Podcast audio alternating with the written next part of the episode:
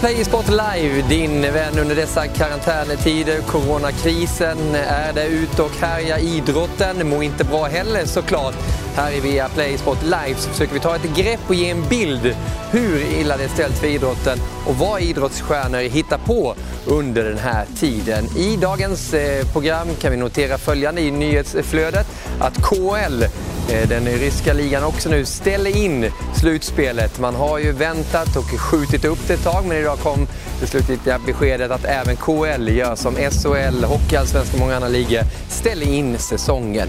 I Spanien så har La Liga-klubbarna nu sökt tillstånd för att få träna i alla fall och hålla igång tillsammans. Det är många klubbar som har sökt det här tillståndet och förväntar svar inom de närmaste dagarna då för att få ha kul tillsammans igen. I övrigt kan vi notera att kollektivavtalet nu gör det möjligt att korttidspermittera. Vi eh, hörde ju om detta igår, att AIK bland annat gör det, Häcken lika så i fotbollsvärlden där nu man också har ställt in division 1, 2 och 3 fotbollen i seriesystemet. Det är dagens nyheter. Det här är kvällens rubrik i Viaplay Sport Live. Där boxningsstjärnan befaras smittad är Otto Wallin. Vi möter honom alldeles, alldeles strax. Och sen fotboll som faktiskt pågår. Vi tar en titt i division 4-världen och gör ett nedslag där. Jonas Eriksson finns med oss för att prata om domarnas situation. Hur allvarlig är den nu när de inte får döma någonting? Och så lägger vi in lite VAR-samtal med den erfarne fotbollsdomaren. MotoGP blir det med Andreas Mårtensson som spekulerar lite kring läget där och hur säsongen kommer att utformas när den väl kommer igång. Och så kommer agent Marcus Albeck hit för att prata om spelarnas situation i fotbollsvärlden och på tal om agenter, den största av dem alla, agent 007. Han dyker också upp i Viaplay Sport Live. Det är lite av det som kommer hända den närmaste timmen. Ni är hjärtligt välkomna att ta del av det här och det handlar ju mycket om corona och det gör det även i boxningsvärlden och med svenska ögon. Tungviktaren Otto Wallin befaras nu vara smittad av corona. Jonathan Lindqvist har samtalat med honom. Jag hade mamma på besök här i New York och hon åkte hem fredag den 13. Sen när hon kom hem till Sverige började hon få känna som att hon hade en förkylning och vi misstänkte att det var corona. Då. Samtidigt när hon började bli sjuk så började jag också bli sjuk. Det var värre för henne. Hon, var, hon fick hög feber och var väldigt trött och sådär. För mig så kändes det ungefär som att jag hade lätt feber. Men det hade jag inte. Eh, jag hostade, jag nös. Och sen började jag bli bättre och helt plötsligt då tappade jag lukten och smaksinnet och det har jag inte fått tillbaka än. Så när det här först började kontaktade jag läkare och eh, rådfråga och de, de bad mig självisolera mig eftersom jag inte tillhörde en riskgrupp och mina symptom var inte så allvarliga så behövde jag inte eh, åka in och bli testad då. Utan det är bättre att spara testerna för de som verkligen behöver och inte eh, ta upp så mycket plats på sjukhusen då. Mm. Men sen, eh, mamma blev som sagt, det var värre för henne. Hon fick hög feber och, och sådär. Och sen när hon hade varit hemma ungefär en fyra, fem dagar så blev hennes gubbe sjuk. Han fick hög feber och alla symptom. Och han är diabetiker så det var allvarligt för honom så han var tvungen att åka in på sjukhuset. Där blev han testad för corona och det visade att han var positiv. Så det, det mesta tyder på att jag också har det. Men det jag vill säga att det är ganska skrämmande. För mig har det varit verkligen som en, bara en lätt förkylning. Och eh, det är bara det här med näsan och eller smaken och lukten som är lite annorlunda. För det har jag haft förut. Men annars är det bara som en lätt förkylning. Och man förstår ju verkligen att det sprids så snabbt. För att man förstår ju knappt själv att man har det. Och att det kan ta mellan 2 till 14 dagar innan man har några symptom överhuvudtaget. Så det är verkligen viktigt att folk tar det här på allvar och stannar hemma nu och, och följer alla riktlinjer som kommer från regeringen och överallt. Här i New York är ju det mesta stängt. Alla gym är stängda. Restaurangerna kör bara hämtmat eller utkörning. Och det är knappt någon ute på gatorna och alla har fått order om att stanna hemma. Mm. Blev det ännu mer påtagligt för dig hur viktigt det är när du fick se hur det drabbade din, din mamma och hennes sambo? Ja, det, det är ett bra exempel på att som jag till exempel, det påverkar inte mig något speciellt. Men sen att det tar sig härifrån New York hem till Sundsvall och drabbar min mammas gubbe. Och han eh, som är tillhör riskgrupp, eftersom han har diabetes, så drabbar han hårt. Och eh, det är det folk måste tänka på. Att även om det inte drabbar dig så kan, du, kan det drabba någon annan och den personen kan teoretiskt sett dö av det. Mm. Hur har de här dagarna varit för, eh, för er familj och din, din mamma och dina bröder och du själv i och med att hennes sambo har behövt gå igenom där? Ja, det har varit... Jag har varit orolig för honom såklart, men eh, han kom ju till Sundsvalls sjukhus då, där han tog hand om honom. Och det verkar ha gått bra där inne ändå. Och eh, idag är det sagt att han ska få komma hem ikväll. Då. Så att eh, när han kommer hem får väl morsan ta hand om, honom lite. För morsan mår bättre nu också, så det är skönt. Ja, vi hoppas det kommer gå bra där såklart. Otto Wallin då i karantän i New York, den svenska tungviktsboxaren alltså. Ingen karantän på Petronella Ekeroth och Bojan Djordjic så det är vi glada för. Ni är välkomna till soffan här. Bojan var ju här i måndags också. Petronella debuterade i den här soffan och du mm. gillade soffan. Jag gillar den. Varför då? Jag tycker det är trevligt. Ja. Hur mår du? Jag mår bra. Du gör det? Eh, ja, jag, och jag har inte känt av någonting eh, än, tack och lov. Eh, så att det, jag, jag mår bra. Men du, vad känner du när du hör det här kring Otto Wallin och uh, hans familj? Nej, men, eh, lite som vi pratade om, alltså, det är ju eh, såklart väldigt obehagligt just att man kan bära på det, kanske inte känner av det under tiden. Smittar man någon annan eh, och sen att man kanske får symptom lite senare. Mm. Men också tycker jag det är svårt att lite få en känsla av eh, också hur man förstår att situationen är extremt allvarlig och man tar den på största allvar. Men jag har ingen i min närhet som än så länge har varit smittad eller är smittad. Och då är det också svårt att få en känsla av hur, hur man påverkas och få det liksom nära inpå på det sättet. Men eh, jag tar det absolut på största allvar. Det hoppas jag att alla gör och jag försöker hålla mig inte för, för nära eh, människor eh, men liksom röra mig i, i kretsar där det inte är mycket människor men ändå försöka hålla igång livet hyfsat normalt så mycket man kan ändå. Liksom. Hur mycket växer det här för varje dag som går för dig Bojan? Ja, jag tar ju alltid de här sakerna på det största allvar. Det går inte att bara bortse det för att man själv har inte varit drabbad eller någon, någons närhet. Det är alltid så när man ser på nyheterna, läser tidningar, ah, men det är inte jag. Nej. Så vänder man blad, så vänder man sida. Men du är ju själv här på Otto Wallin. Väldigt härlig, väldigt rak. Mm. Och när det drabbar någon i sin närhet, då blir man ju själv väldigt rädd. Då vill man också komma ut och säga till folk att ta det här på det största allvaret. Sluta göra narr om någonting som har drabbat vår vardag tillsammans. Det känns som det fortfarande säger vi och ni. Mm. Varför gå ut på nattklubbar? Varför åka upp och åka skidor? Kan det inte vänta? Alla lider ju och vi pratar om toppen av pyramiden. Det händer inte mig. Men de där nere det är de vi ska se efter. Det är de som lider. Det är de som inte kommer att kunna ha pengar till hyran, levebröd och allt möjligt. Vi måste ju tänka till med det här, för det är ett par veckor. Mm. Sverige har inte varit i någon krig eller någon kris sedan jag kom hit eller under den tiden jag har varit på den här planeten. Men jag har upplevt vad kris är, vad krig är. Det här är ett virus. Och ska du bekämpa det här så måste du bekämpa det tillsammans. Att man lyssnar på varandra och inte bara viftar iväg. För hur, hur vet vi vilka underliggande sjukdomar vissa har? De som stöter i vardagen. Nej, men, det, det, det, är ju, det är de man är väldigt orolig för framförallt. Vi är ju kanske inte mm. i riskgruppen men det finns ju de som, som verkligen är det och som det drabbar väldigt allvarligt. Mm. För oss så kanske det är en vanlig förkylning i princip och det är där jag tror att man måste verkligen förstå att det är väldigt allvarligt och att det kan smitta och att det kan gå väldigt, väldigt illa. Jag är ändå tacksam att jag lyckades ta mig till Sverige och att jag kan vara här. För att ja. här känns det fortfarande som att läget är hyfsat under kontroll eh, jämförelsevis med då Italien mm. där jag vanligtvis är. Eh, Hur gjorde du när du kom hem från Italien? Eh, nej men jag lyckades komma hem. Vi hade ledigt två dagar innan. Mm. Eller vi, vi, hade ledigt helgen innan egentligen de stängde ner. Så då valde jag att åka hem bara för att vi hade en ledig helg. Och sen så eh, gav de väl egentligen order att jag inte skulle komma tillbaks utan att avvakta och se vad beskedet skulle bli. Och då blev beskedet att eh, ligan blir förflyttad och träningen eh, kommer ske först om kanske då tre veckor. Mm. Eh, vilket är nu ungefär tre veckor sedan så det kommer ju bli ännu mer förlängt. Mm. Eh, och alla i laget där i Italien har ju suttit inomhus nu inne på tredje veckan tror jag det mm. Ehm, Så det, ju, det går inte att föreställa sig egentligen hur det faktiskt är där borta. Att, att sitta instängd och inte kunna röra sig. Och, eh, få gå och handla liksom tio stycken i taget och inte vara nära varandra överhuvudtaget. Alltså det, där har de ju verkligen tagit till mm. extrema åtgärder. Men hur mycket har du själv grubblat på det här och tänkt oj vad skönt att jag kom hem från Italien? För coronafallen just inom fotbollen, det har ju radats upp mm. namn efter namn efter namn. Det är mm. väldigt många på den här listan ja. som vi kan eh, summera in. Ja.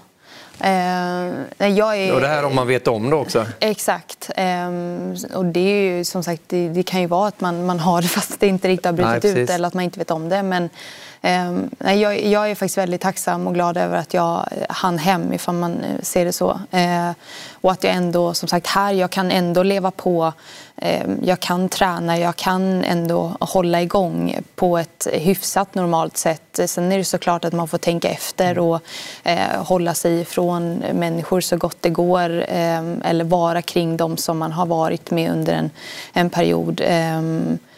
Och ändå liksom kan hålla mig förberedd tills mm. vi sätter igång igen. Men det är ju värre för de som är nu i Italien eller som är i andra länder där det verkligen har eh, att de inte kan gå ut och de måste sitta instängda. Och hur blir det då när vi sätter igång? Alltså, man kan ju inte börja spela matcher direkt Nej. utan det är någonting som också måste tas i, tas i åtanke och beaktning att eh, när vi börjar träna igen, det blir ju de har nästan haft ett uppehåll i en månad. Ja. Alltså, då kan man inte gå in och spela match Nej. efter en vecka. Liksom. Hur, hur, lång tid kommer det där ta, Boja, när det väl sätter igång igen? Precis som Petronella säger, det går inte bara att spela direkt i elitnivå. Det här. Alla har haft mm. helt skilda förutsättningar. Absolut, men jag tror vi måste ta bort idrottsaspekten. Jag lägger den lite åt sidan.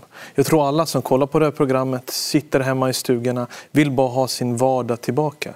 Att man inte går in att man inte är i någon bubbla hela tiden, att man inte vet vilken dag i veckan det är, att man inte kollar på klockan. Utan vi har ändå bra förutsättningar för att lyckas ta oss ut ur den här krisen. Men vi mm. måste göra saker rätt. Man måste hela tiden se efter sig själv. Ska man ha någorlunda normalt liv så får man inte vara för rädd ifall man är frisk och stark. Men man mm. får tänka på saker som skulle kunna skada andra, hämma andra, även om du inte har det. Men kontakt de äldre. Mm. Jag vill ha fortfarande min mormor kvar i livet till mm. exempel. Du vet, det finns ju saker som du måste verkligen gå in i dig själv. Jag vet att den ekonomiska smällen kommer också vara väldigt stor. Så man tänker ju alltid på de som kommer förlora ja. sina jobb. Hur tar de sig mm. tillbaka? Det är därför säger jag att de här idrottsnamnen Petrona, som ja. vi ser, de kommer klara sig. Och det är bara en, alltså, det är också så här, vi sitter här och pratar om sporten som är bara en sån liten, liten del mm. i våra liv är det såklart en jättestor mm. del. Men för andra människor så är, är, det här bara en sån liten, liten del och kanske inte ens finns. Liksom. Mm. Och det drabbar så extremt mycket människor. Jag tror samtidigt att jag hoppas verkligen att det här kommer leda till någonting väldigt, väldigt bra. Eh, jag hoppas att vi kommer bli mer medvetna om alltså, hälsa, ta hand om varandra, hur vi ser på kontakt med andra människor och liksom vara mer liksom, rädda om varandra. Eh, och på något sätt också hur vi sköter ekonomi, mm. företag. Alltså, sådana grejer tror jag också att man kommer som företag behöva tänka att hur styr vi olika saker? Hur, hur eh, producerar vi? Alltså allting tror jag kommer få Alltså att vi får en tankeställare. Vi kommer inte ta saker och ting för givet. Jag tar absolut inte saker och ting för givet. Eh, och sådana saker. Också att bara få sig en tankeställare och få stanna upp lite eh, tror jag kommer vara jätteviktigt för, för hela världen. Men du har inte stannat upp. Eh, du känns som du tränar hårdare än någonsin eh, om man följer dig på Instagram och sånt. Berätta lite hur du bedriver eh, din träning nu för att vara i toppform när du väl börjar igen. Nej, men nu kör jag, jag kör med en kille som har... Han, han kör individuell träning, MFS heter det. Och, eh, håller igång här i Stockholm. Det finns ett sockercenter heter det, som ligger i Danderyd där jag kör en del som man ser här. Eh, men sen har min lillebror som spelar i Degerfors, de fick mm. ju uppehåll nu. Ja, han är inte så liten. Att, nej, han är ganska stor. eh, men Superettan blev ju också eh, uppskjuten så att ja. då har han varit här nu i två veckor så då har vi kunnat kört lite ihop. Eh, och sen så har ett ställe som heter Fightbox som man kan köra lite styrka och kondition och fys och så har också hållit öppet faktiskt. Så jag har försökt att hålla igång så mycket jag kan men jättekul att jag ändå kan köra på med fotboll mm. för det är verkligen det man vill ha. Eh, och jag har också börjat träna nu. Nu har jag suttit de kallar det väl lite karantän men att jag har hållit mig ifrån, eh, jag har tränat med Bayern nu från och med denna veckan Ah, okej. för att också få lite lagträning. Ja. Ehm, Så att jag känner mig väldigt förberedd och liksom försöker hålla igång så gott det bara går. Men mycket individuellt och fokusera på sånt man kanske vanligtvis inte kan lägga Nej. jättemycket tid på. Då ska du spela padel mot mig imorgon också. Så det är Exakt. bra. Det är bra att få Ja. hålla igång formen ordentligt. Och att ni där ute håller igång, det uppskattar vi också. Ni har möjligheten att ställa tittarfrågor till Petronella och till Bojan under den här kvällen. Det gör ni ju på Instagram och då är det ju Viaplay Sport och Viaplay Fotboll. Det går bra att använda Viaplay Fotbolls Facebook-sida också. Och det kommer frågor till er från eh, Carl Bengtsson och vilka var era förebilder när ni var små? Och förebilder idag då, är frågan. Och nu börjar Bojan. Eh, när jag var liten så hade jag såklart Diego Armando Maradona. Mm. Eh, det är Dragan Stojkovic, Pixi kallade vi honom. Storstjärna i Röda Stjärnan för jugoslaviska landslaget under VM 90. Och sen, eh, jag älskade ju Formel 1, F1. Ja. Och det var den gula hjälmen och Ayrton Senna. Ja, såklart. Ja. Så det var det jag såg verkligen fram emot. Och sen kunde man inte under helgerna undgå skidsport heller. Och då var det La Bomba, Alberto Tomba eh, man kollade efter. Och det var inte Bojan Ja, Krejci. Han var lite, jag var lite för liten, men han hade fint namn. Men Alberto Tomba, då var man verkligen inne i skidsporten. Så det var bra variation när jag var liten. Och när jag växte upp, då började jag inse vad mina föräldrar har gjort för mig. Så mamma och pappa är mina förebilder nu. Jag var för liten för att förstå vilka upp- uppoffringar de gjorde. Man tar dem fortfarande för givet. Ja. mamma, varför ringer du mig 20 gånger i veckan? Eller att pappa är, blir förbannad om jag slår hans lag i någon träningsmatch. Men det är okej. Men de är mina stora förebilder och utan dem jag hade inte varit här idag. Skicka över bollen till dig. Ja, men då fortsätter jag lite på samma spår. Nej, men egentligen är det hela min familj har alltid varit en väldigt stor förebild för mig. Min mamma har alltid varit en jätte, jättestor förebild och ehm, har alltid funnits där och stöttat och allting som hon åstadkommer och, och håller på med är för mig, jag vill bara bli som henne på något Ja, sätt. ja, okej. Ehm, och pappa i och med hans karriär och sådana Pappa saker. Peter Ekroth, en stor exakt. hockeyspelare. Ja. Ehm, nej, men som har haft sin karriär och jag på något sätt också imponeras över sättet som han får erbjudanden och drar iväg och hoppar på saker. Där har jag väl lite fått det från honom också, att jag gärna testar på nya saker Mm. och, och provar väldigt mycket och sen så får man väl utvärdera det i efterhand.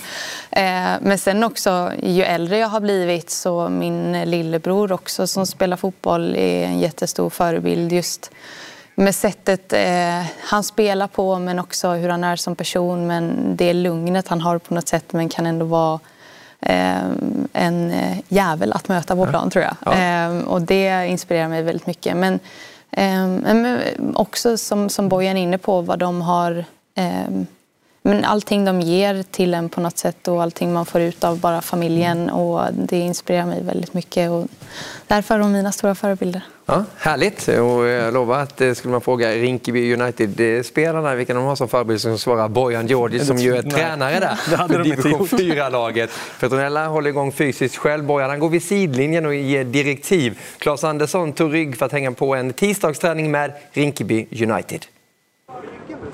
Vi tränar torsdag, samma tid här. Lördag, kvartsfinal i Stockholms Cup. Matchen är 16.00. Samling kommer halv tre. Jag kommer att ta ut truppen redan efter torsdagens träning, så att alla vet. Om man är förkyld, sjuk, bortrest så vill jag veta det nu. Tills jag får några andra direktiv över mitt huvud, att förbundet säger det finns inget spel längre, då lägger vi ner. Tills dess, är ni friska, är ni krya, så ses vi här. Ni har sett det här i Järvaområdet, att eh, många har gått bort med det här coronaviruset. Jag lovar er, alla har ansvar. Det spelar ingen roll om du är från Somalien, Balkan eller Turkiet.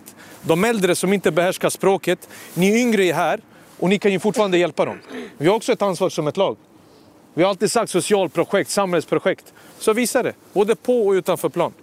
Och ni ska veta att det är första gången att jag kan säga att jag är stolt över er. Jag har varit här långt tag, ni ger mig jävligt mycket gråhår. Men ni vet att jag har jävligt mycket kärlek för er allihopa. Rinkeby United bildades 2013 på initiativ av bland annat Martin Mutumba och Bojan Djordjic och har på kort tid klättrat från division 7 till division 4 och laget förbereder sig nu för kvartsfinal i Stockholm Cup på lördag. Klubben har ett stort och viktigt socialt engagemang i Rinkeby med omnejd. Men när man är nere och tar del av atmosfären på träningen så förstår man snabbt att just fotbollen betyder mycket för killarna i laget. Det är roligt, eh, just med tanke på omständigheterna också. När det känns som att hela världen står still så kommer vi ändå ner hit och, och har roligt och gör det bästa av situationen. Eh, Det är glädje. ska jag säga. Det sprider mycket energi. Eh, hänga med vänner. Göra något positivt som alla tycker om, eller som många tycker om de flesta. Det känns skönt. Tänk det ännu viktigare i dessa tider. Ja, det gör det ju. Man behöver sammanhållning. Speciellt när det är så här coronatider just nu så behöver man hitta positiv energi på ett annat sätt också. Och det är att spela fotboll ibland, med Rinkeby United speciellt också. Det här är bättre. Det är bättre. Vad skulle det betyda om ni inte fick fortsätta att träna? Oj, jag tror eh, det skulle vara det skulle vara jävligt tråkigt. Jag tror många skulle bli eh, väldigt eh, sysslolösa. Eh, inte ha någonstans att komma ner till på tisdagar och torsdagar. Eh, inga matcher. För det är det mycket, eh, många ser fram emot. Så jag tror det skulle vara eh, ja, det skulle vara en mindre sak att göra av väldigt få saker som redan finns att göra. Det är kul. Det är kul att inte bara sitta hemma inlåst och inte göra så mycket. Så det är ganska kul att ta vara på den här tiden som man får fortsätta spela fotboll. Vad har ni för ambitioner den här säsongen då? Att gå upp. Gå upp såklart. Alltid. Alltid gå upp. Vi vinner serien gå upp. Det har vi alltid. Det är alldeles för bra fotbollsspelare för att vi ska hamna i Hawaii. Jag förstår om grabbarna träffas och vi spelar, men vi spelar för att vinna på lördag. Hur är det när det inte finns någon sport att kolla, ingen fotboll att kolla på TV? Det är svårt. Det är tufft. Det är, det är det man kollar på oftast. Det är det man ser fram emot. Champions League, Premier League, eh, Bundesliga. Det är ganska jobbigt. Sitta hemma och förvänta sig att det ska komma något så kommer det inget. får man se på repriser. Vilka håller spelarna på i Rinkeby? På vilka lag håller de på? Ja, det är blandat. Det är mycket Premier League-lag. Så det är mycket tjafs. Det är mycket tjafs, det är mycket diskussioner.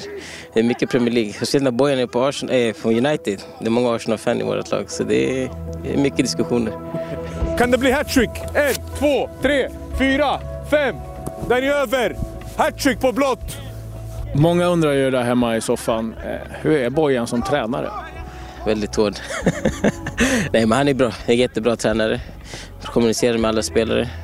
Väldigt rättvist. Eh, och grym helt enkelt. Han är varm. Han är varm, det är han. Vilken typ av fotboll gillar han? En typ av eh, Big Sam, Tony Pulis eller eh, Pep? Han, eh, jag tror han är en liten blandning faktiskt. Han är en liten blandning. Eh, ibland kan det vara tålamod, tålamod, tålamod och ibland kan det vara snabbt ska det gå och liksom avsluta. Så det är en, han är, det är en blandning ska jag säga. Jag, jag bjuder, bjuder in kamerateamet lite oftare. Jag har aldrig sett det så här tysta i mitt liv.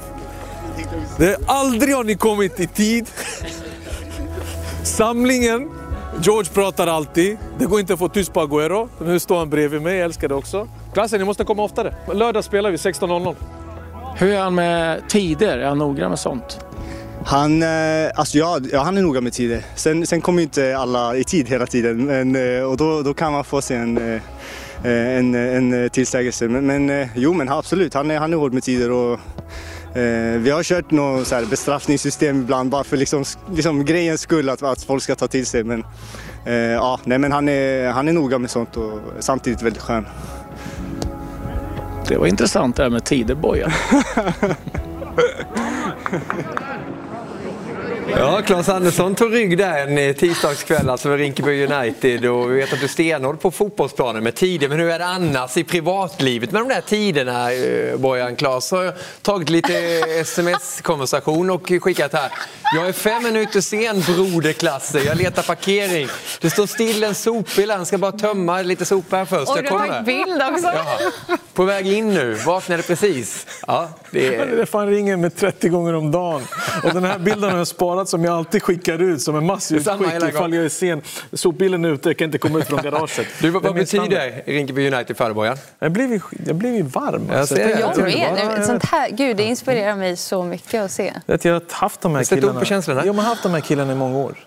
Och det är vackra människor på insidan. De ger mig grå hår. Men det är inte bara på plan, det är utanför. Engagemanget de har, alltså hjärtat, stoltheten. Jag ska inte hela tiden ta den här logen eller klapparna på ryggen. Jag började det här med Martin, men det var ju barndomsvännen som startade det här. Vi har en styrelse Martin också, Martin Mutumba. Vi har en styrelse som fantastiska människor som gör så mycket gott i vårt område. Järvaområdet har inte haft det bästa ryktet. Men folk måste veta att det finns ju ljusglimtar.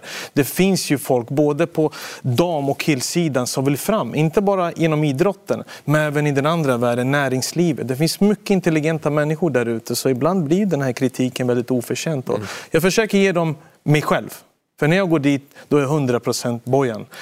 Ja, om, om jag är kvar i fem år till då kommer inte hårfästet vara här. Då kommer förflytta sig ännu mer. Men jag tror de skulle nog säga samma sak. Men det här det vände mig. Alltså, jag, jag, känner dem, men det känns som att jag ja. hör något annat. Bra. Var, och förbereda dem ordentligt jag behöver pudra pannan. Jag för den där cupmatchen också som väntar. Och där får man ju ja. fortfarande spela då i division 4 också för Rinkeby United. Eh, på en betydligt högre nivå har han ju dömt eh, en av eh, Sveriges absolut mest erfarna fotbollsdomare. Jonas Eriksson finns med oss nu också. God kväll på dig Jonas. Jonas, hur är läget med dig? Det är alldeles utmärkt och anledningen till att jag har ganska högt hårfäste att jag dömt Bojan en massa gånger. Många gula kort va? Jag tror någon har det väl blivit, det blir det väl på alla spelare man har träffat. Men det var högt i tak, vi kunde vara arga på varandra, mest Bojan på mig. Men efter matchen tog man varandra i hand och Bojan kan ju otroligt mycket fotboll och förstår en hel del domarskap också. Eh, så att eh, det var givande på många sätt. Nu, Jonas, om vi bara tittar på det personliga lite. Hur påverkas du och ni av den här coronakrisen? Ja, men självklart, det är ju alldeles omtumlande. Jag är en person som i princip hela mitt vuxna liv har haft mycket att göra med fotbollen, även efter karriären. Saker, resor, man har tittat fram och haft nya saker på gång hela tiden. Och helt plötsligt så är kalendern helt öppen. Man kan inte resa, man får inte resa.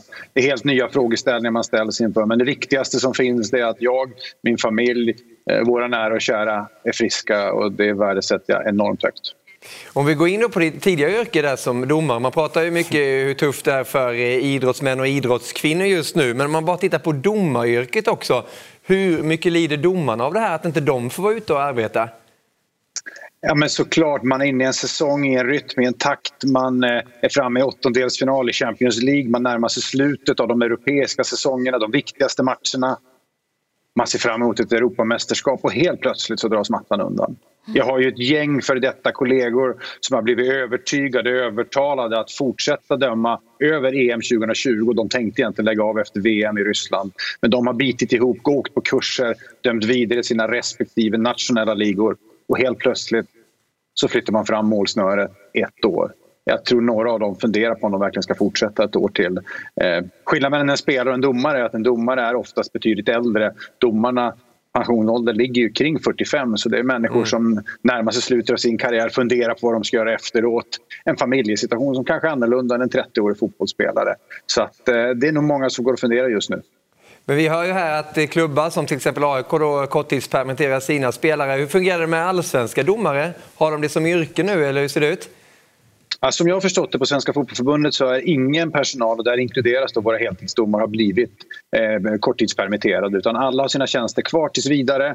Eh, och sen får man se naturligtvis när man påbörjar säsongen. Men precis som för vilka spelare som helst och som en domare, här har du möjlighet att rehabilitera dig, bli ännu starkare, träna och framförallt komma tillbaka med en otrolig hunger för det kommer att bli många matcher när alla olika tävlingar drar igång framöver.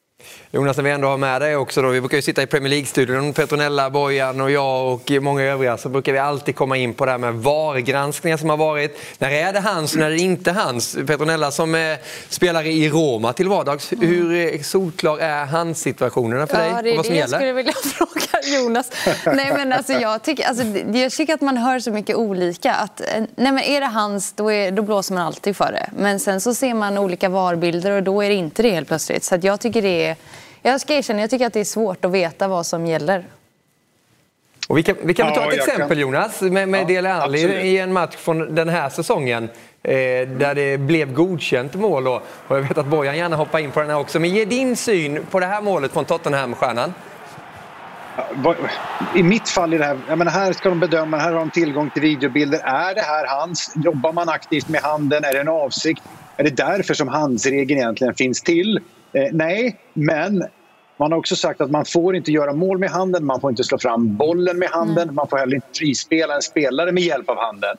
Och för mig, ja, vi ska inte prata om Premier League och deras hantering av videoassisterande domare för då har vi en lång sändning ikväll som vi dessutom inte kommer att vara helt överens om. Men, men det här är ju någonting som, som blir en otrolig gråzon och det finns ju synpunkter åt alla håll just kring de här bedömningarna. Hade det här inte funnits VAR, då vet jag om att man kan säga att ja, domaren tog ett felaktigt beslut, det går snabbt, det är svårt att se. Men nu har man tillgång till bilder men man har ändå inte lyckats hitta den här synkroniserade bedömningen och det är otroligt frustrerande.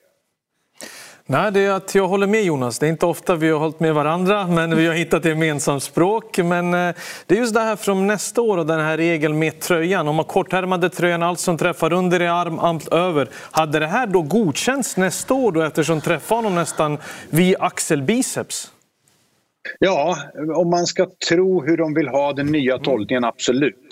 Sen har ju handsregeln varit en, en florerande massa. Den har ju ändrats från år till år med tolkning i princip att ingenting som tar här uppe eller allt som tar här uppe ska vara hans, men var går gränsen? Men just den här kortarmsregeln, ja, den gäller från och med första juli, mm. har man sagt. Eh, men frågan är vad som, när den effektueras, regeln och hur den kommer att tolkas. Eh, jag är inte helt säker, men, men otydligheten finns i regeln, det är en tolkning och framförallt när folk sitter i bussarna eller i studion, i videosystemet, domarna och bedömer olika, då skapar det ännu större problem såklart. Då är det bara att använda långärmat då. ja, eller att man kör Excel bara. Mm. Ja, Jättestora. Ja, helt enkelt. Ja, det är som mått. Vi går vidare i frågelådan från mm. Petronella och Bojan här och fångar upp ett nytt mål från Premier League den här säsongen. Och det här störde dig Bojan? Nej, jag vill bara fråga Jonas exakt vad regeln säger. Jag förstår att de Gea säger att han inte ser att eh, Sigurdsson i det här fallet som sitter ner påverkar. Men påverkar han verkligen de Geas syn eftersom han väljer att gå mot sin höger och då tar han på Maguire och byter riktning? Hur mm. tolkar man det här då? Står det klart in i regelboken eller får man också använda från varummet lite sunt förnuft och säga men han har ju fritt, han har ju fritt synfält, De Gea, och väljer gå till höger? Mm. Jag håller med. Det är en jättespännande fråga. Vi ser bilden här när den är frusen och regelboken är egentligen ganska tydlig. Man bestraffas för offside om man stör en motspelare mm. genom att till exempel tydligt skymma motspelarens mm. siktlinje. Mm. Man tar inte hänsyn till att bollen går via ett annat ben eh, eller att den skjuts Men skymmer han här siktlinjen? Svaret på den frågan är ju ja. Och om man förlänger det dessutom och sätter igång spelet igen, vad händer? Jo, Sigurdsson lyfter upp benet. Mm. Annars vet jag tusen om bollen hade gått i mål. Så den aktiva handlingen hjälper ju till. Tidigare har man också pratat, inte i regelboken, men informellt om att befinner sig en spelare i målområdet, det vill säga 5,5 meter från mållinjen, oftast närmare målvakten. Då ska det otroligt mycket till för att spelaren inte ska bestraffas. Det är att han, att han drar benen som gör att han rör på sig och då påverkar han spelet? Jag tror att det är en bidragande orsak men jag tror att det hade räckt att han hade suttit där eftersom att man anser att just i siktlinjen tydligt där man förväntar sig ett skott. Sen att skottet inte går där, det är en annan sak. Mm. Men i bilden att man sitter och befinner sig i siktlinjen gör att de Gea kan helt enkelt inte agera för han vet inte riktigt vad han ska göra när en spelare sitter där. Jonas, jag höll, jag höll upp min hand här när jag var utanför bild som att jag var i, som i skolan. Jag, jag hade en fråga. Om det här skottet inte tar på Maguire och går mot De Geas bortre och går in i mål, då hade de dömt att det skulle vara ett giltigt mål. Men han påverkar ju fortfarande en synfält eftersom han sitter där. Det är det jag hade lite svårt för. Ja, jag håller med. Det där är en svartvit regel som måste tolkas av en människa som kan fotboll. Jag har ju haft mina kollegor Daniel och Mattias som jag var världens bästa assisterande domare och vi var överens. Även om någon potentiellt står i en siktlinje, går bollen upp i andra krysset, vinka inte. Vinka inte, ha den här känslan för när påverkar egentligen en målvakt? Men vi ser ju att många målvakter upp med handen. De liksom visar att jag blev störd och det är ett sätt att påverka domaren att, att verkligen oj, det här påverkar honom. Men när bollen går långt ifrån och han ändå inte hade kunnat ta dem. Det är en sak om eh, spelaren Sigurdsson i det här läget befinner sig en meter ifrån så man snubblar på att man inte kan slänga sig eller förbereda sig. En helt annan sak. Men jag håller verkligen med. dig. Går bollen in i andra hörnet så ska det för mig vara mål. Mm. Och det här blir bortdömt i, i det där fallet den här mm. gången. En annan sak är ju att Premier League gjorde ju annorlunda än många av de andra Uefa-nationerna. Att man inte har låtit domarna gå ut och kolla på sådana här beslut när det ska vara röda kort till exempel. Mm. Nu har man gjort det Jonas eh, efter ett tag här. Vad tycker du om det? Jag tycker att alla beslut ska bli rätt i slutändan. Om det krävs att domaren ska gå ut, verkligen gör det. Vi ser i andra länder och andra ligor att det sker nästan en inflation i att man går ut. Men det handlar om att skapa en trovärdighet och att domaren ska få se vad som har hänt. Här kan man ju, man behöver inte gå ut och titta, men för att sälja in budskapet och visa att det är domaren som fortfarande bestämmer, om det nu är viktigt, så kan det vara en trovärdighetsfråga. Men det här är uppenbart ett felaktigt gult kort och att det är en grov utvisning, det är serious foul play. Man äventyrar motspelarens säkerhet. Och det röda kortet är ju helt odiskutabelt. Och det är exakt därför vi har videoassisterande domare. Sådana här situationer ska inte få förekomma.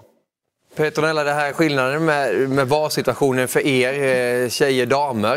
Eh, det är ju en helt annan sport i stort Ja. sett jämfört med det här. Hur Ja, upplever vi, du det? ju, vi använder ju inte alls eh, oss av VAR. Nej, men det är väl mer det man tänker är ju så här, hur går snacket kring just kunskapen kring domare? Att eh, man använder VAR och kanske förlitar sig väldigt mycket på det och liksom vad blir domarens roll i det hela och sådana saker. Jag vet inte hur snacket går där Jonas men eh, det är ändå samtidigt en intressant frågeställning samtidigt som jag tycker att VAR påverkar väldigt Man tappar lite skärmen i fotbollen också tycker jag. Och just det här eh, spontana och just fira efter mål. Och så. Mm. Det är mycket, mycket glädje och sådana saker som försvinner med det. Mm. Samtidigt som man vill såklart att det ska bli rätt. Eh, men frågan är också när det handlar om millimetrar och sådana saker man ska in och kolla. Där tycker jag att det blir lite väl mycket faktiskt. Så att där är jag glad att vi inte har VAR.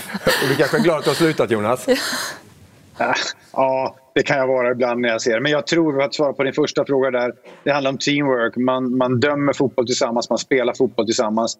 Eh, om, eh, jag måste tro gott om mina kollegor. Jag måste lita. Om någon säger att det här är offside, eller det här är straff eller det här är frispark, då måste jag lita på dem. Om jag inte står otroligt bra till och har en perfekt vinkel och själv vågar lita på min egen uppfattning.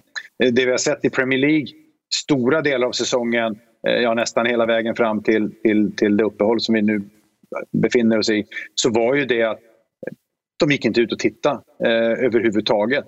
Och, och där blir det fel tycker jag. Har man fått den här möjligheten ska man utnyttja det på ett annat sätt. Det handlar om att man måste lita på information man får men det handlar också om att de som sitter i och tittar på bilderna måste ha en synkroniserad bild. Vad är en grov utvisning? Och just de här millimeterna som du nämner, ja, jag vet ju hur många timmar ni har pratat om dem.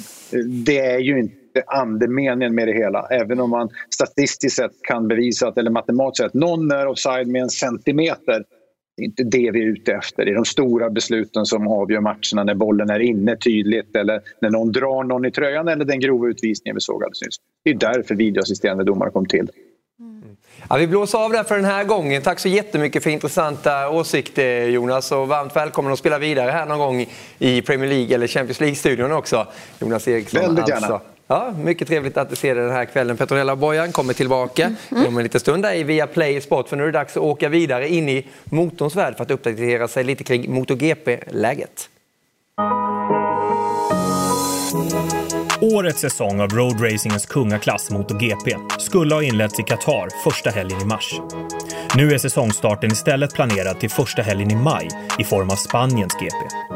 Qatars GP kommer inte att köras, men de andra racen som skulle ha ägt rum i mars och april är istället flyttade till slutet av säsongen.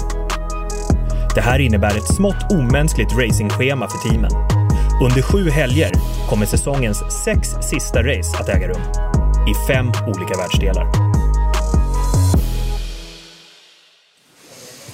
Andreas Mårtensson har kommit hit. Kul att se dig Andreas. Tack så mycket. Hur mår du? Mycket bra i dessa tider. Ja, man får knappt säga det känns som. Mycket nej, bra. Nej, lite så. Man försöker hålla lite avstånd även i studion. Precis. Och du är snart klar med pappaledigheten. Vad händer då?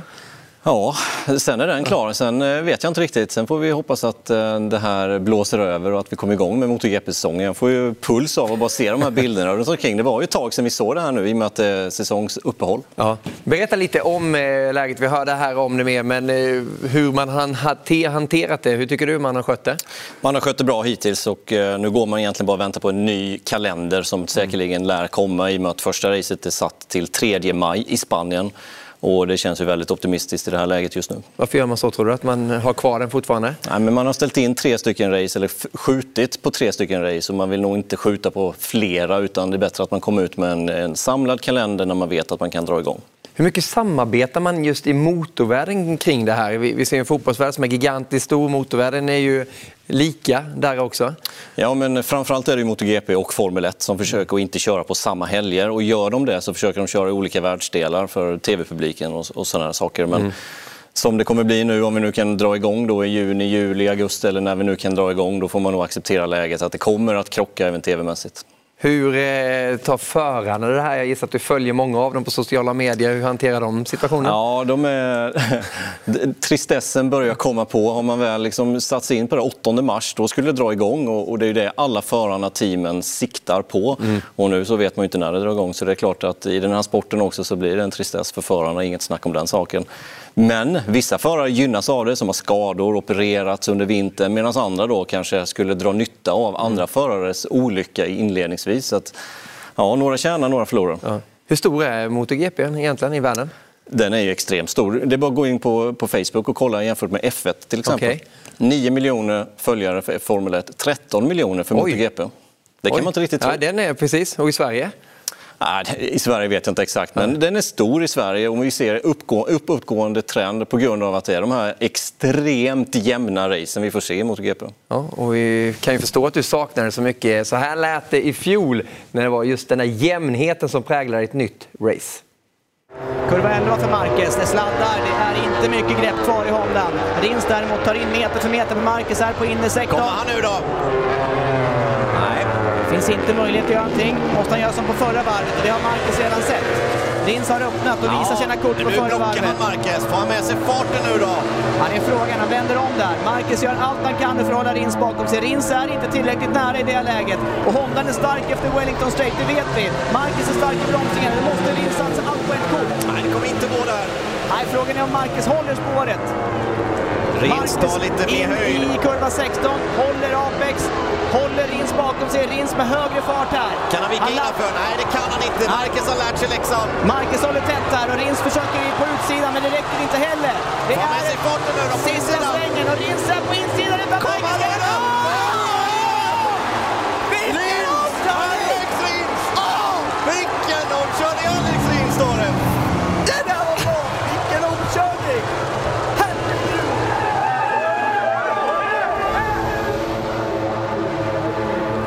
Ja, ni verkar ha ganska roligt när ni kommenterar du och Tobias. Hur vanligt eller ovanligt var just det här racet Nej. med de här små marginalerna?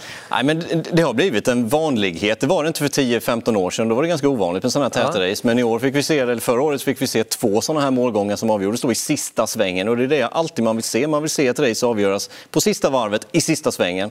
Det fick vi se här. Vi fick även se det på Red Bull Ring. Då var det Dovizioso istället. Mm. Marquez då också. Ja. Förlorade dock. Ja, det hör ju, hör inte till vanligheterna och det är ju eh, giganten just i MotoGP. Men det är en förare som verkligen lever på de där små marginalerna också. Kraschar ju väldigt, väldigt ofta. Varför? Nej, men han testar gränserna helt enkelt. Och de vanliga krascherna, det är inte den vi får se här just nu för den är från Thailand och kallt däck var det som gjorde den där kraschen. Utan de flesta krascher som Marcus gör, de är inne i svängarna och framhjulssläpp. Beroende på att han, eh, han kan ha den där känslan just in i svängen och ibland går han över den där gränsen. Men han är bra på att rädda de där sakerna men ibland går det inte. Om jag sätter in ordet galen bakom honom, vad säger du då? Ja, det, det stämmer inte hundra procent på Marcus. Nej, men han, han, är ändå under kontroll. Galen under kontroll ja. kan man då säga. Okay. Det, det, låter väl bättre. Ja. Hur ser du på hans eh, möjligheter liksom att ta och behålla den där tronen i MotoGP när den väl kommer igång den här säsongen? Ja, men den, det är goda chanser och han är ju en som jag nämnde inledningsvis här, kommer gynnas av det här breaket i och med att han opererade axeln. Han var inte fit for fight på de sista testerna och hade haft det tufft inledningsvis men eh, nu är det här breaket, nu kan han läka lite till, de kan få till Hondan lite bättre, mm. vilket eh, behövs för att de ska kunna vara med och utmana, framförallt då kanske Quattraro. Ja, någonting om honom då? Nej, en supertalang. Ja. Verkligen, ja. Eh, verkligen supertalang. Gjorde sin första säsong i MotoGP förra säsongen. Eh, och eh, ja, han, han var skarp mot Marquez. Ja, och kan få lite svensk hjälp också där i teamet då. Johan Stigefelt är teamchef för Petronas Yamaha, finns med oss den här kvällen också då för att prata lite MotoGP och framförallt hur man är som teamchef i dagsläget. Ja, det är tufft eh, just nu. Det är inte lätt för någon av oss. Eh, som Andreas har berättat här så har vi alla eh, liksom väntat på att komma igång med MotoGP. Då. Moto 2 Moto 3 körde vi i Qatar för någon vecka sedan. Men MotoGP som sagt har vi inte kommit igång med än. Vad har ni fått för information då, Johan? Det är ungefär samma som eh, ni vet om just nu. Det är inget eh, mer eller mindre där. Vi, eh, vi väntar som sagt på eh, mer nyheter och eh, som, eh, som det står nu är det ju i, eh, i Jerez som vi ska köra, men det tror inte någon av oss direkt att det blir det. Utan vi siktar nog mer på juni, juli någon gång där. Om säsongen väl, eller när den kommer dra igång, är det, är det tanken att det ska vara något test innan första racet eller kommer det bli racehelg direkt? De här förarna har inte kört nu sedan i slutet på februari. Nej, jag tror inte det blir tufft eh, eftersom all vår frakt och alla, allt material är fortfarande i Qatar och eh, det är också en eh, logistiksida på alltihopa. Va? Och just nu fick jag besked idag om att allt skickas till Spanien. Och sen är det ju inte mycket tid där. Om det nu skulle bli besked om att vi kör så kommer det inte vara så mycket tid emellan. Och jag tror, blir det ett test då blir det kanske en dag innan ett, en racehelg, till exempel en torsdag. Ja, men det, det låter rimligt. Hur, hur, tar eh, dina förare detta? Framförallt då Quartararo som hade en bra chans att kunna vinna här nu inledningsvis, kanske fler än ett race till och med. Hur tar han det här lilla breaket nu? Ja, det är supertufft för han och alla förarna. Frankie också. Jag menar, de var ju redo att sätta igång och köra och vi hade en bra förstagångstest med Fabio och även med Frankie. De båda två toppade ju eh, testerna i Kyrgyz. Eh, i eh, Malaysia och eh, Qatar. Så, um, ja, det är bara att gilla läget helt enkelt. Och, eh, mentalt sett är det bara att träna så mycket de kan och eh, försöka förbereda sig. De är oftast väldigt förberedda, eh, alla förarna. Och när det väl gäller så blir det ju fullt fokus. Liksom. Hur förberedd kommer han vara då och hur troligt är det att han kan utmana om titeln redan nu? Alltså, som vi såg på försäsongstesterna och med det materialet han har i år, Fabio, så eh, eftersom han sitter på en full fabrikssorg nu med Yamaha och, eh, så är vi, vi är ganska säkra på att han kommer vara eh, topp två, topp tre eh, under säsong. Det låter ganska kaxigt kanske, men eh, det, det, är helt klart det vi satsar på eh, som team och även han som individuell då för hur kommer det sig nu då att Quartararo har blivit så pass stark som han ändå har blivit? Han, han, har ju hoppat runt i team, han har varit skadad. Nu gör han då sin andra säsong i samma team någonsin i, i GP-sammanhang. Vad är det som ni har inom teamet? Har ni något lugn? Hur bedriver ni teamet för att ge honom liksom lugn och ro och kunna utvecklas i sin, sin takt? Eh, alltså, vi, det, det, som kanske skiljer oss mot många andra team var att vi startade teamet förra året. Det var ett helt eh, färskt nytt team med, med många bra individer givetvis som vi plockade ihop. Och, eh, med det, med det fick vi alla en känsla av att liksom, de var med och hjälpte till att bygga upp det här teamet eh, som idag är 64 personer, då, in, in, inklusive förarna. Så det är ett väldigt stort team och med en väldigt bra sammanhållning. Och, eh, både jag och min chef Rasslan och eh, Vilko som är teammanager för, för MotoGP-stallet, vi, eh, vi är ganska lätta med förarna och vi eh, har en bra kontakt med dem och eh, samtidigt har mycket erfarenhet. Jag själv som har kört innan och Vilko som har kört innan, så vi, vi kan och förstår förarna väldigt väl.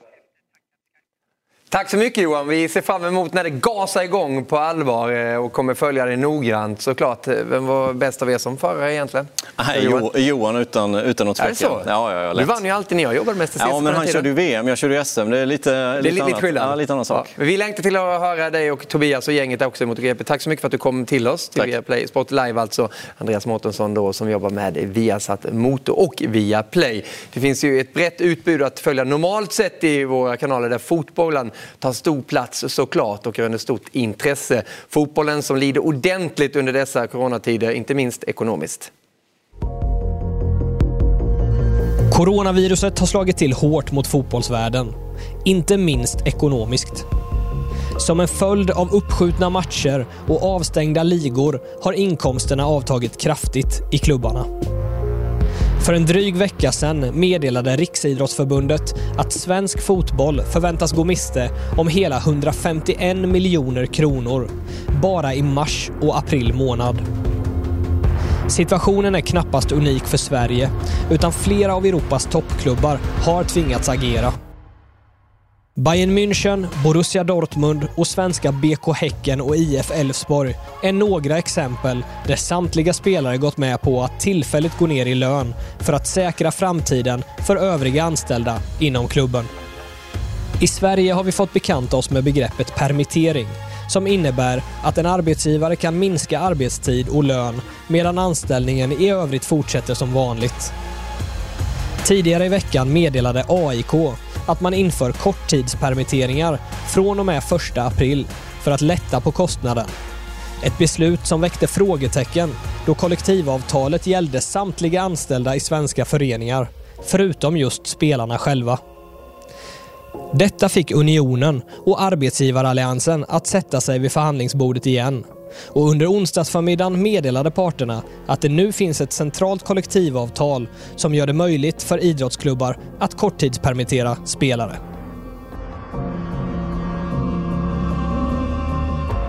Vilket då har blivit eh, fallet nu då i fotbollsvärlden och hockeyn eh, lär haka på också.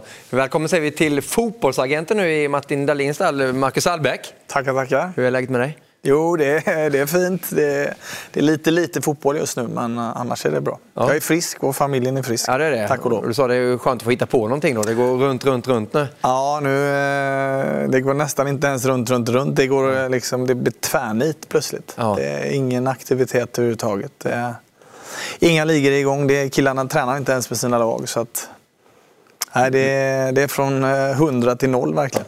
Det var skönt att kunna gå tillbaka i tiden lite då och minnas eh, en karriär som var verkligen ljus när det gäller det fotbollsmässiga för dig. Eh, Den här Köpenhamn-bilden var ju även i Premier League och två VM-turneringar med, med Sverige i fotboll också. Du, vad minns du bäst från din personliga karriär, Marcus? Eh, nej men det är mästerskap. Eh, Det här vi ser då med Champions League, det, det, det fick jag ju då lira på gamla dagar om man säger så. Det trodde Ja. jag väl inte jag skulle få. Det var första gången FCK var med också. Så att det var såklart väldigt häftigt. Eh, men sen är det mästerskapen. Det, är det absolut eh, roligaste och mäktigaste. Och det är det liksom man eh, drömmer om som, som barn. Och man såg EM och VM på, på TV och så plötsligt får man stå där själv. Det, så det, det är nog det. Mm. Och att ha spelat i Premier League med tanke på eh, Sverige som har präglats mycket och gör fortfarande av den ligan. Hur kände man när man var mitt i det där? Ja, men det var samma sak där. Det var ju eh, living the dream kände man. Det, det, var, det var min största dröm att komma just till, till England. Man hade ju växt upp med, med Tipsextra och detta. Så att, eh, det var såklart häftigt det med. Men sen många olika steg i karriären. Spelansvarig i landslaget också. Varför blev du det? Ja, det blev jag för att eh, Hamrén ringde och frågade. Han, eh, han hade haft eh, liknande roller i sina två senaste klubbar. Ehm, och så, eh, så han kontaktade mig dagen efter han blev förbundskapten. Mm. Och så eh, frågade han direkt om jag, om jag var intresserad av det. Eh, och då spelade jag ju fortfarande i ÖIS. Tyckte fortfarande det var jäkligt roligt att, att spela och träna. Och då, men ehm, så till slut så, så insåg jag väl att det var för bra möjlighet för att tacka nej till. Så att, eh, det gjorde jag. Och var det. Nej, jag körde på där. Nej, det var, eh, det var såklart en, eh, en otrolig upplevelse. Att, jag hade ju dessutom jag hade fått spela i landslaget i eh, jag tror det var åtta år ungefär. Eh, och så hade jag ju precis slutat i landslaget. Och då kom denna frågan. Så jag, och då blev det nästan sju år till i landslaget. Och det var ju direkt i A-landslaget Ja, också. Så det var ju liksom... Man börjar inte på ledarsidan som med pojkar eller flickor i 12 utan man börjar med A-landslaget direkt. Ja, precis. Ja. Så att det var speciellt. Men det var väldigt lärorikt och kul. Och sen efter det då ta steget till att ta hand om dem på ett annat sätt då genom att bli spelaragent. Mm. Hur kom det steget till? Nej, men jag känner ju Martin eh, Dahlin sedan, eh, sedan väldigt länge och vi har haft kontakt eh, och sådär. Så att, och så alltid tyckte jag det känns intressant, Ja. yrket som sådant. Sen har det utvecklats enormt och det har jag inte minst sett själv. För jag hade ju som, som många, även när vi spelade fanns det agenter, även om de var väldigt få då. Eh, Men då var det lite mer att de, de tog hand om avtalet i stort sett. Det, det, var, det var det de som agenten gjorde. Ehm, nu skulle jag nog säga att det har utvecklats väldigt mycket. Eller det sättet som vi jobbar på i alla fall, med den erfarenheten vi har. Det är ju den vi försöker jag ska inte säga sälja in, men det är den vi försöker hjälpa till med. Och vad är det ni gör? Ja, nej, men vi, vi lägger ju ner väldigt mycket tid förutom att signa ett avtal. Signa ett avtal det gör man varje eller vartannat eller var tredje år. Eh, Men det är extremt mycket tid däremellan. Eh, Och ehm, som vi pratade om då, man har upplevt både bra och sämre tider som, Mm. som proffs och i mästerskap och allting. Och det vill man ju gärna dela med sig. Och sätta sig in i spelarens situation och så vidare och kunna hjälpa till på alla möjliga sätt när det gäller flyttar, när det gäller om man ska flytta eller inte, när man väl har kommit till ett ställe. Eh, Den diskussionen och det bollandet känns som, som de uppskattar väldigt mycket. Och eh, sen eh, jobbar vi även med att vi eh, försöker se så mycket matcher vi bara kan och, Mm. och ge feedback på de matcherna. Om de nu är intresserade av det, men det, det är de flesta väldigt intresserade av. Och, eh, då är vi ganska tuffa i vår eh, bedömning, och, för vi, vi vet vad som krävs. Det, det är ingen idé att, att klappa på någon om de inte har varit riktigt jäkla bra. Utan eh, ja, det, här, det, här, det här måste du bli bättre på. Liksom. Och så går vi igenom det och så går vi, ser man nästa match och så följer man upp det och så sitter man och antecknar. Och, så man ser ju extremt mycket matcher. Och då kan du tänka dig hur det är nu då när det inte sänds Nej, en precis, enda men, men nu match. blir det ju en helt annan roll också. Nu ska du Ja. hjälpa. Jag antar ju att de är väldigt oroliga spelarna som, som ringer dig nu på dagarna. De vill inte höra någon feedback kring hur de är som fotbollsspelare. Helt plötsligt kanske de inte har ett kontrakt längre. Eller hur Nej, men den diskussionen det är ju oroligt, extremt oroligt. Och det, är, det är liksom spelare som, som kan ringa in och säga att ja, nu, klubb, klubben pratar här om att vi ska gå ner 20-30 procent vad ska man göra? Vad, vad har man rätt till? Och vad man... Och det är klart att det, det kommer till en viss... Till slut så kommer det till en, till en spets. Mm. Men eh, oftast i, ett sånt här, eh, i en sån här diskussion så blir det ju ett gemensamt beslut som tas av ett spelarråd. Eller spelarrådet pratar med alla spelare och så förstår alla. Och I ett sånt här läge när det är en sån här kris som vi... Eh, vi har ju aldrig upplevt något liknande. Så handlar det ju om, eh, om solidaritet såklart. Att man, eh, att man förstår att ja, det är jobbigt för mig men det är jobbigt för dem med. Liksom. Att Jag tror att det är extremt viktigt att, att alla människor oavsett yrke, att man, att man tänker på det. Eh, Så att, ehm, men det är många o, alltså det är ovisst såklart. Och de, som jag sa, de, de tränar inte ens eh, i sin egen klubb utan alla tränar på egen hand. Precis som vi hörde Petronella här, Ja. hon, hon kör eget. Och det, Ja. det får våra killar göra också. Liksom. Det, det är inte mycket att välja på. Och vad säger du om det här nu med permitteringen? Att det är möjligt för eh, föreningar att göra så för spelare med kontrakt?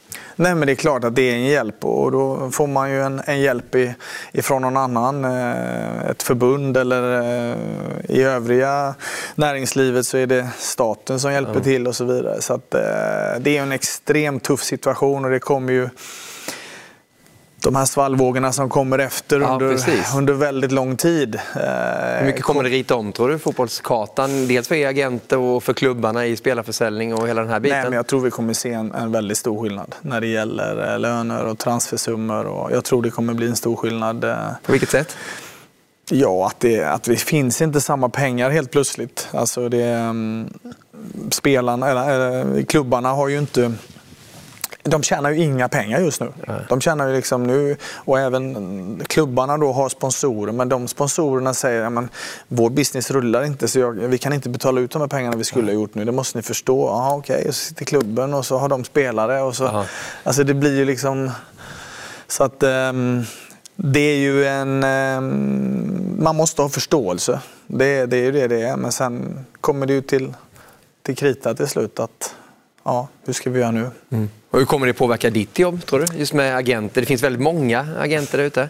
Ja, jo men det gör det. Nej, men vi, eh, vårt agerande och vårt sätt att jobba tror jag inte kommer förändras så himla mycket. Däremot så märker man ju när man, och tror jag man kommer märka ännu mer när man talar med tränare eller sportchefer eller scouter för klubbar att eh, ja, men det blir inte prio nu liksom, utan nu får du vänta lite. Och, nej, vi tänkte titta på tre gubbar här men vi, vi kommer kolla på en nu. Eller inte kolla på någon. Eller ja, men vi var skitintresserade av honom men, nej, men vi har lagt ner det nu. Vi har lagt ner vi ska inte ens ha en mittback längre typ. Så att, eh, det kommer vi nog se. Det kommer bli tufft. Men jag tror vad som är extremt viktigt i det här i sporten och även i allt annat, det är att det finns en positivism, att det finns ett hopp. Jag tror det är extremt viktigt att det finns en gnutta ljus i tunneln. Liksom, att, eh, ja, men, ja, det värsta är inte ska inte fortsätta ett år. Utan ja, men, det var någon som sa nyligen att ja, men, kanske om två månader så vi kanske är igång med Allsvenskan om två månader och Superettan. Det är ju helt fantastiskt om det skulle vara så. Mm. I alla fall, det finns ett hopp i alla fall. Ja. Men, men hur mycket kommer det förändra det för, för spelarna? Och man skriver kontrakt, eh, att EM flyttas nu. Nu kommer man förmodligen spela klubblagsfotboll under sommaren här istället. Champions League kan avgöras kanske i juli, augusti. Hur kommer det påverka kontraktssituationerna? Ja, det är svårt. Kanske, men... Nej, men det är svårt för det, det, är också svårt för de spelare, de flesta avtalen utomlands, de, de slutar ju i slutet på maj. Och då ska ligorna vara slut. Ja. Uh, och nu kanske ligorna kör till augusti då, eller vad det nu kan bli, eller juli i alla fall. Ja. ja hur gör man då? Så det kommer massa frågor i allt detta. Så att, um, ja, vi får, uh, vi får ta ett nytt snack om två månader. Ja, vi får göra det, ja. för vi får egna frågor också som vi kan hantera. Kanske lättare att svara på dessa då mm. via Instagram och via Facebook, via Play Sport och via Play Fotboll. Den här frågan till dig Marcus, från Erik Albeck. Vilket är ditt bästa minne med landslaget? Väldigt förknippad med svenska landslaget. Ja, det är trevligt. Ja. Um, ja man får väl säga ett minne som spelare då först kanske. Och då, då får jag nog säga att det är min första VM-match i okay. Japan. Vi mötte England i premiären där. Då hade man sett fram emot detta så länge och som jag sa, man hade växt upp med att se VM på TV och plötsligt så stod man där och ja, det var enormt stort att sjunga nationalsången där och gräset var perfekt och läktaren var full och man visste att hela Sverige stod stilla. Och, det var en stolthet. Um, Hur gick det? Då blev det 1-1. 1-1, mm. ja. Uh, och sen uh, när det gäller minnet på ledarsidan så uh, det är klart jag måste säga invigningen av Friends, också mot England. Mm. När man får se vad, vad Zlatan gjorde den matchen och inte minst avslutningen. Mm. det var ju också ett overkligt egentligen att se. Mm. Hur var det att spela med Zlatan? Ja, det var som att spela med någon som man inte trodde att man... Det var inte möjligt att få bollen i det läget. Ehm, men man lärde sig att det, ja, men jag, jag fortsätter bara, den kan komma och så kom den. Liksom, eller, det var, eh, sen, så, eh, sen så hans agerande på plan. Många gånger har han ju fått kritik och sådär hur han gestikulerar och håller på. och han ja, eh, har visat att, tydligt att någon annan gjorde någonting mm. som inte var så bra. Men, men vad folk inte fattar liksom, det var ju att han, han var ju en sån extrem vinnare. Så hans tänk i det hela var ju inte bara att han skulle få bollen, att han skulle göra mål, att han skulle bli hjälte. Mm. Utan det var ju bara för att slår du den passningen rätt så kommer jag sätta den. Mm. Och då gör vi mål. Mm. Och det är bra för oss. Eller slår du den passningen till mig perfekt så kan jag slå in den där och så blir det mål. Ja. Och då var det perfekt för laget. Många tror ju att han... Alltså, nej, det var ju fantastiskt. Ja. Det var, han var, men, du, du, har spelat med honom och du har varit spelaransvarig för honom. Mm. Hur gärna har du varit agent för Zlatan Ibrahimovic? jag har frågat honom, men han, han säger att han har någon. Jag vet inte vem det är. det är så? Ja, jag fattar du kan ingenting. inte peta Raiola? Jag har försökt. Ja. Uh, nej, han... Uh, vi får se. Ja, jag ligger på. Ja, du gör det va? Jag vet ju att du har många strängar på din lyra. Du är ju en bra golfspelare också. Och när det handlar om eh, just den 25 mars som det är idag så har vi ju här i Viaplay Sport en eh, tillbakablick varje dag för att finna vad som händer just på det här datumet.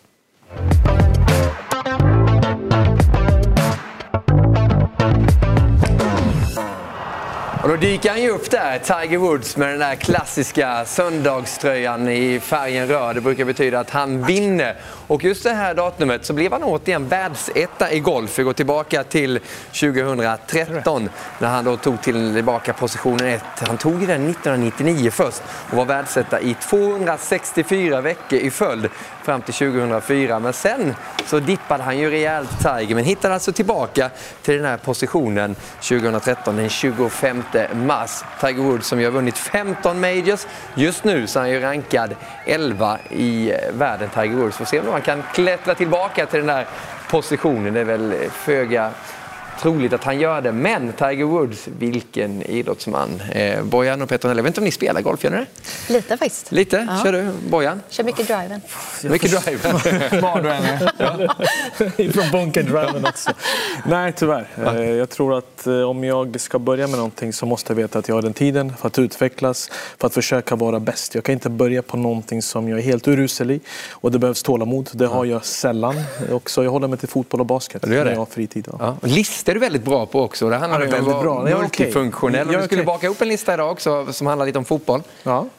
Det är lite spelare under Premier League-sera som har spelat på nästan alla positioner. Och eftersom eh, Mackan var i studion med oss idag så tänkte jag vi kan börja med listan med en 90-talist. Någon som började Premier League-eran och kom in på tredje plats. Så listan är, börjar med Dion Dublin. Som började som mittback, eh, blev omskolad till forward, eh, har även vunnit Golden Boot i Premier League säsongen 97-98 för Coventry, men blev inte uttagen till VM 98. Kom tillbaka till Aston Villa, gjorde sju mål på tre matcher, bröt nacken, men lyckades mirakulöst ta sig tillbaka och blev mittback mot slutet igen. De har värd att ta sig in på den här listan över multifunktionella spelare. På den andra platsen. nummer två, John O'Shea, en gammal lagkamrat. Började som mittback, har spelat ytterback, defensiv mittfältare och som vi ser här kan även ta sig in bakom. Men det som gör honom unik, White Hart Lane, så att han på sig målvaktströjan, ställer sig, räddar oj, ett friläge och kollar av byta bänken. Den kostade väldigt mycket. Rooney, Giggs, Ronaldo njuter av John O'Shea stå i mål. Nummer ett, det måste vara James Milner. Började karriären som forward, blev sedan yttermittfältare, ytterback, central mittfältare. Enda positionen han inte bemästrat hittills det är mittback och målvakt. Men han är så nyttig. Det spelar ingen roll om det var Leeds, Newcastle, Villa, Liverpool så har du utnyttjat maximalt av hans exceptionella talang. Lagspelare utan dess like och fortsätter leverera och är sällan skadad. Så James Milner blev etta. Given etta? Ja, gi, given etta. Jag först tänkte jag, men John är min vän. Ska jag lägga honom på första plats då blir det ju inte korrekt, Marcus. Så tänkte jag, jag måste ju backa och lägga James Milner, även om John har stått i mål. Ja. Vi har faktiskt fått en hälsning också från en av de här personerna på den här listan. Och det var just han som Bojan nämnde på andra plats, John O'Shea. Evening, Boyan. Hope everyone is okay in Sweden and taking the advice on board. Keep washing your hands and staying safe. Um, I can't believe I'm I'm doing the video for you, Bo. You don't have me as the number one. Devastated. I always knew um, Seb Larsson was my number one Swedish pal. I think you were the number one until you till you had me not in top spot. Can't believe it. But anyway, hope everyone's okay in Sweden. Take care. Bye bye. Ja, det är svårt vet du att dissa Sebastian Larsson är etta på den här listan. Ja, men det, jag räknade med det hela. De spelade tillsammans i Sunderland, det bodde i skulle- Newcastle. Ja, jag, jag offrade mitt vänskap eh, för en rättvis lista helt enkelt. Men nu kanske man ångrar det. Om Sebastian har gått om mig nu, då är det problem. Hur var ni på olika positioner? Vad har du spelat på för olika? Jag är lite inne på, Jag har ju varit, eh, började som innermittfältare. Ja. Eh, mittback, har spelat ytterback. Ja, så det är lite, nu mycket mittback skulle jag säga. Inte målvakt har jag inte, Inte målvakt? på. Nej. Nej. Du då Mackan? Ja, men yttermittfältare någon gång. Eh, Från vänster då? Ja, från vänster, precis. Eh, sen var det någon gång nu på slutet när man gjorde någon sån liten galen comeback så var man mittback. Men, eh, Det är där man hamnar. Längre och längre längre, vänsterbacken där som blev till slut i de brukar.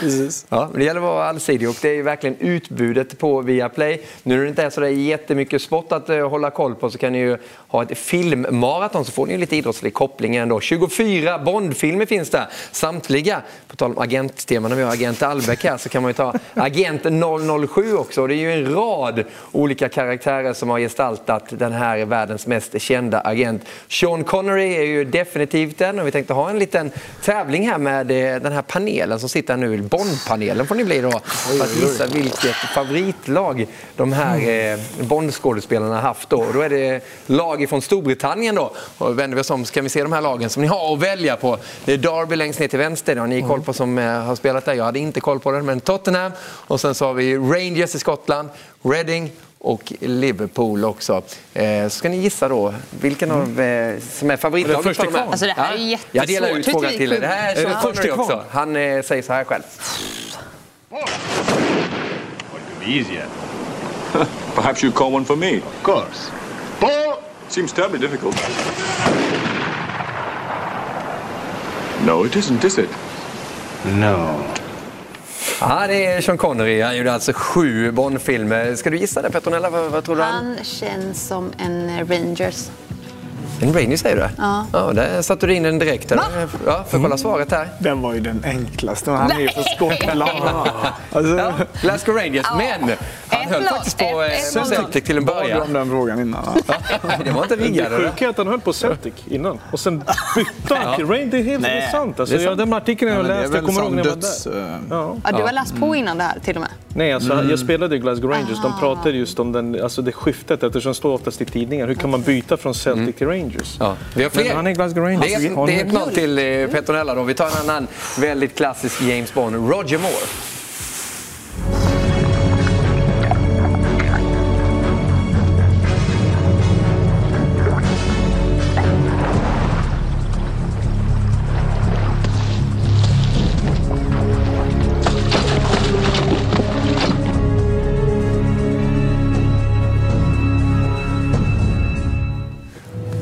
Roger Moore, inte rädd för någonting. Sju filmer gjorde han. Eh, Tidigare jobb var han militär. Vilken klubb kan han ha hållit på? Ja, men då gissar jag på Tottenham eftersom han är från London. Kan det vara så enkelt? Vad gissar du på? Ja? Jag gissar på John O'Sheas klubb. Reading Jag höll skulle han säga på. exakt samma. Vi kollar svaret då. Och Marcus, du som är från Göteborg, du fick ju lite hjälp av mig där. Han är inte rädd för någonting. Jag trodde du skulle ha den kopplingen. Men då får, vi, då får vi poäng på den, eller? Ja, ni, ni, ni får det. Vi delar. Det, det, förstår- finns, fler. det finns möjligheter för... Man förstår att räkna sitter där i vanliga fall. Eller, räknar Timothy, Dalton är nästa Bond upp. Duck! We've nothing to declare! Fantastiskt. Ah, han gjorde två jag filmer. Den där scenen är ju eh, en riktig höjdare också. Hoppade av eh, dramaskolan, gick bra ändå och blev James Bond för Timothy Dalton. Har han eh, favoritlag? Vilket lag är det då? Ja, för de två som är kvar håller ju på Premier League-klubbar, det vet jag. Då är det Derby som är kvar, då måste Timothy Dalton vara Derby Jag, County. jag ska också säga Derby på den här. Ja, det är det. Ja. Men Derby alltså, County. tre på mig! Ja. Men, men tre jag- på dig? Ja, jag har tre poäng. Men jag svarade ju först. Ja, men sen jag tänkte säga det. Ja. Ni, du har ju suttit Såg han ut sån eh, på någon av filmerna? Nej, jag tror inte det. Det det var det väl lite senare. Här kommer en annan klassiker, Pierce Brosnan.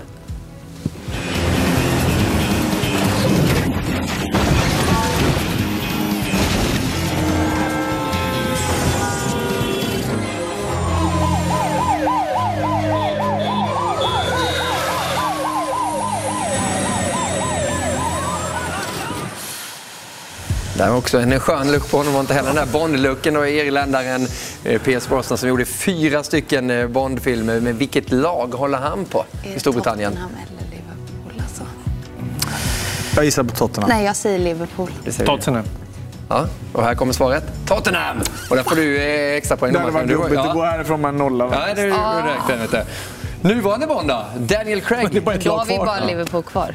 Jag tror vi gick i fel ordning. They appear to be on the rooftops of the Grand Bazaar.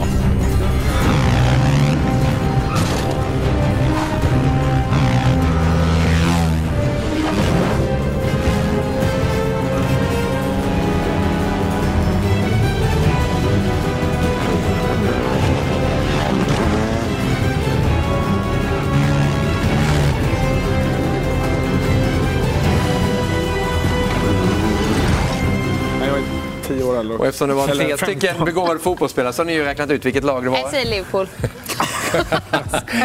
på eh, den här skådespelaren Daniel Chester Craig alltså, också. som har gjort fem Nära. filmer och en till är väl på gång där med James Bond. Det verkar vara en favorit till dig. Du vet då att alla 24 filmer ligger på Viaplay, Mackan? Mm. Jag ska se dem igen. Ja, har du någon favorit som du bara kommer på sig? Nej, men jag gillar... Eh, jag växte... Alltså, när jag började se Bond så var det Roger Moore som eh, Mm. tog över efter Sean Connery. Så kan man väl säga. Så att, eh, men Sean Connery är ju... Ja. Det är någon av de två. Ja. Roger Moore tyvärr inte i livet längre. Det är också min Bond-favorit. Det finns faktiskt en Bond till. Har ni koll på det? George Ja. Lazenby. Ja. Ja, du har det. Han, han gjorde en film. Han halvfilm? Det blev bara en film från Australien. Han har vi inte fått ut något favoritlag i Storbritannien heller. Det är nog kanske eller australiensisk fotboll som gäller för honom där. Det blev den där filmen. Jag har missat den faktiskt. Man får väl leta upp den också då och kolla på den Ja, kanske. du, du har inte missat så mycket faktiskt. Nej, det där är alltså Bond-tema som pågår via Play eh, som ni kan hålla koll på. 24 filmer alltså och sen en mängd olika serier finns där och sportdokumentärer för den delen också. Fler frågor på Instagram som har kommit in till oss till Petronella har ni skrivit till på Instagram där är alltså via Play Fotboll och via Play Sport och då har du den här frågan. Vad är skillnaden mellan damallsvenskan och Serie A? Vilken liga håller kvaliteten högsta spelmässigt? Får du från Eh, alltså jag tycker att det är ganska stor skillnad mellan eh, sett till hur, hur man spelar. Damallsvenskan känns lite mer fysisk Mm. medan Serie A är lite mer teknisk, eh, mer individuella kvaliteter. Men jag tycker faktiskt att bara på ett år så har Serie A höjt kvaliteten väldigt mycket och det kommer många spelare utomlands ifrån. Eh, så att det, det blir bättre och bättre kvalitet. Sen du och Ronaldo kom. Exakt, det är ju, det är ju så. Nej, eh, ja. ja. Nej, men, eh, alltså, och det tycker jag är lite synd med damallsvenskan å andra sidan att den kanske har eh, gått ner lite så man hoppas att det vänder för, för Sveriges del såklart. Eh, men det ska jag säga Och bästa spelaren du har spelat med? Oj. Den var svår. Mm. Ja, du kan tänka lite en stund om du vill så kommer du Hur få lång det. tid har vi här? Ja. Nej, men eh, som jag har spelat med om Caroline du säger fel Seger. Caroline Seger, Ja. Då har vi... skulle jag säga. Ja. Bojan, fråga till dig. Se om eh, du har något svar där. Bästa spelaren som du har spelat emot. Det är Olle som har skickat in den där frågan. Alltså, den den är- O'Shea. Ja, ja, ja, spelar du mot honom? Ja, på träning. På träning. Den, är, den, är lite, den är tuff, men eh, jag skulle säga att då man kände sig verkligen för att packa sina väskor och flytta hem och börja om med en ny karriär. Det var när jag trodde att eh, central mittfältare, det är vad jag är. Eh, Och vi skulle möta Bayern München 2004 i USA. Och då stötte jag på Ballack som hade precis kommit då från eh, Leverkusen och deras. Och då tänkte jag, nej Bojan, det är nog lite mer träning som krävs här ifall du ska gå in i duellerna och förstå vilken nivå de här spelarna har. Och eh, det är alltid kul att mäta sig med de bästa. Jag är glad att jag får gjort det i några minuter Mm. någonstans. Och jag säger Ballack, just att det var den tiden jag hade som mest hybris. Jag var 22. Och då fick jag, var, ja, jag har fortfarande lite, men 22 var det verkligen toppen på min hybris. Och då tänkte jag, men det här är inga problem. Jag spelar med Roy Keane på mitten mot Bayern München. Hur kan det gå? Så kommer bara bommen ut, djupledslöpningar. Efter 22 minuter var det slut och tänkte, nej det här är nog din sista match United. Det är bara att se sig om på ett nytt lån. Och det var det eller? Sista matchen? Nej, Ja, jag blev skadad. I vaden i 80 80 sträckte jag vaden, gjorde inte någon mer match och flyttade till Rangers 2005. Du, jag använder Olles fråga till dig också, eh, Marcus. Vilken är den bästa spelaren du har spelat mot? Uh, Zidane. Hur var det? Åh, herregud. Det var fantastiskt. Det var, det var sådär som man... eh, det var första och enda gången, som jag minns i alla fall, som jag tittade på en motståndare under matchen. Okej. Även när han inte hade bollen. Vi kan, vi kan ju avsluta det här nu. Så här, ja, men det var, var faktiskt så. Det var, det var så jag var imponerad av att vara på samma plan som honom. Och han, du vet, det var som en tango när han, bollen kom. Han var, Det var så vackert. Så att, ehm, Och avslutningsvis, bara en fråga just med agentbiten med damfotbollen också. Nu- Mm. Vi som just om det Ja, men hur precis tänker ni där? på här. Nej, men det är ju en marknad som, eh, ja, ska nästan säga explodera. Nu dog ju allt lite lätt den här månaden, men eh, det händer ju enormt mycket. Så att eh, vi tittar på att eh, även gå in i, i, i bland tjejerna och den marknaden har inte riktigt funnits så Nej. mycket innan, så kan man väl säga. Mm. Men eh, det är absolut eh, någonting som är rejält på gång. Så att det, det är jättekul Mm. och spännande. Verkligen. Har du en bra agent Petronella eller? Jag är en bra Ja, du har det va? Ja, ja, precis. Tack för frågan, tack för frågan. Ja, precis. Ni vet väl att eh, vi håller koll på fotbollen fast det inte spelar någon just nu på lördagar i den här studion. Premier League-studion öppnar upp och nio 15.30 på lördag. Den här gången med det här mötet, 2004, Arsenals säsong. Det har ni koll på. Mötet med Liverpool på Highbury, hur gick det?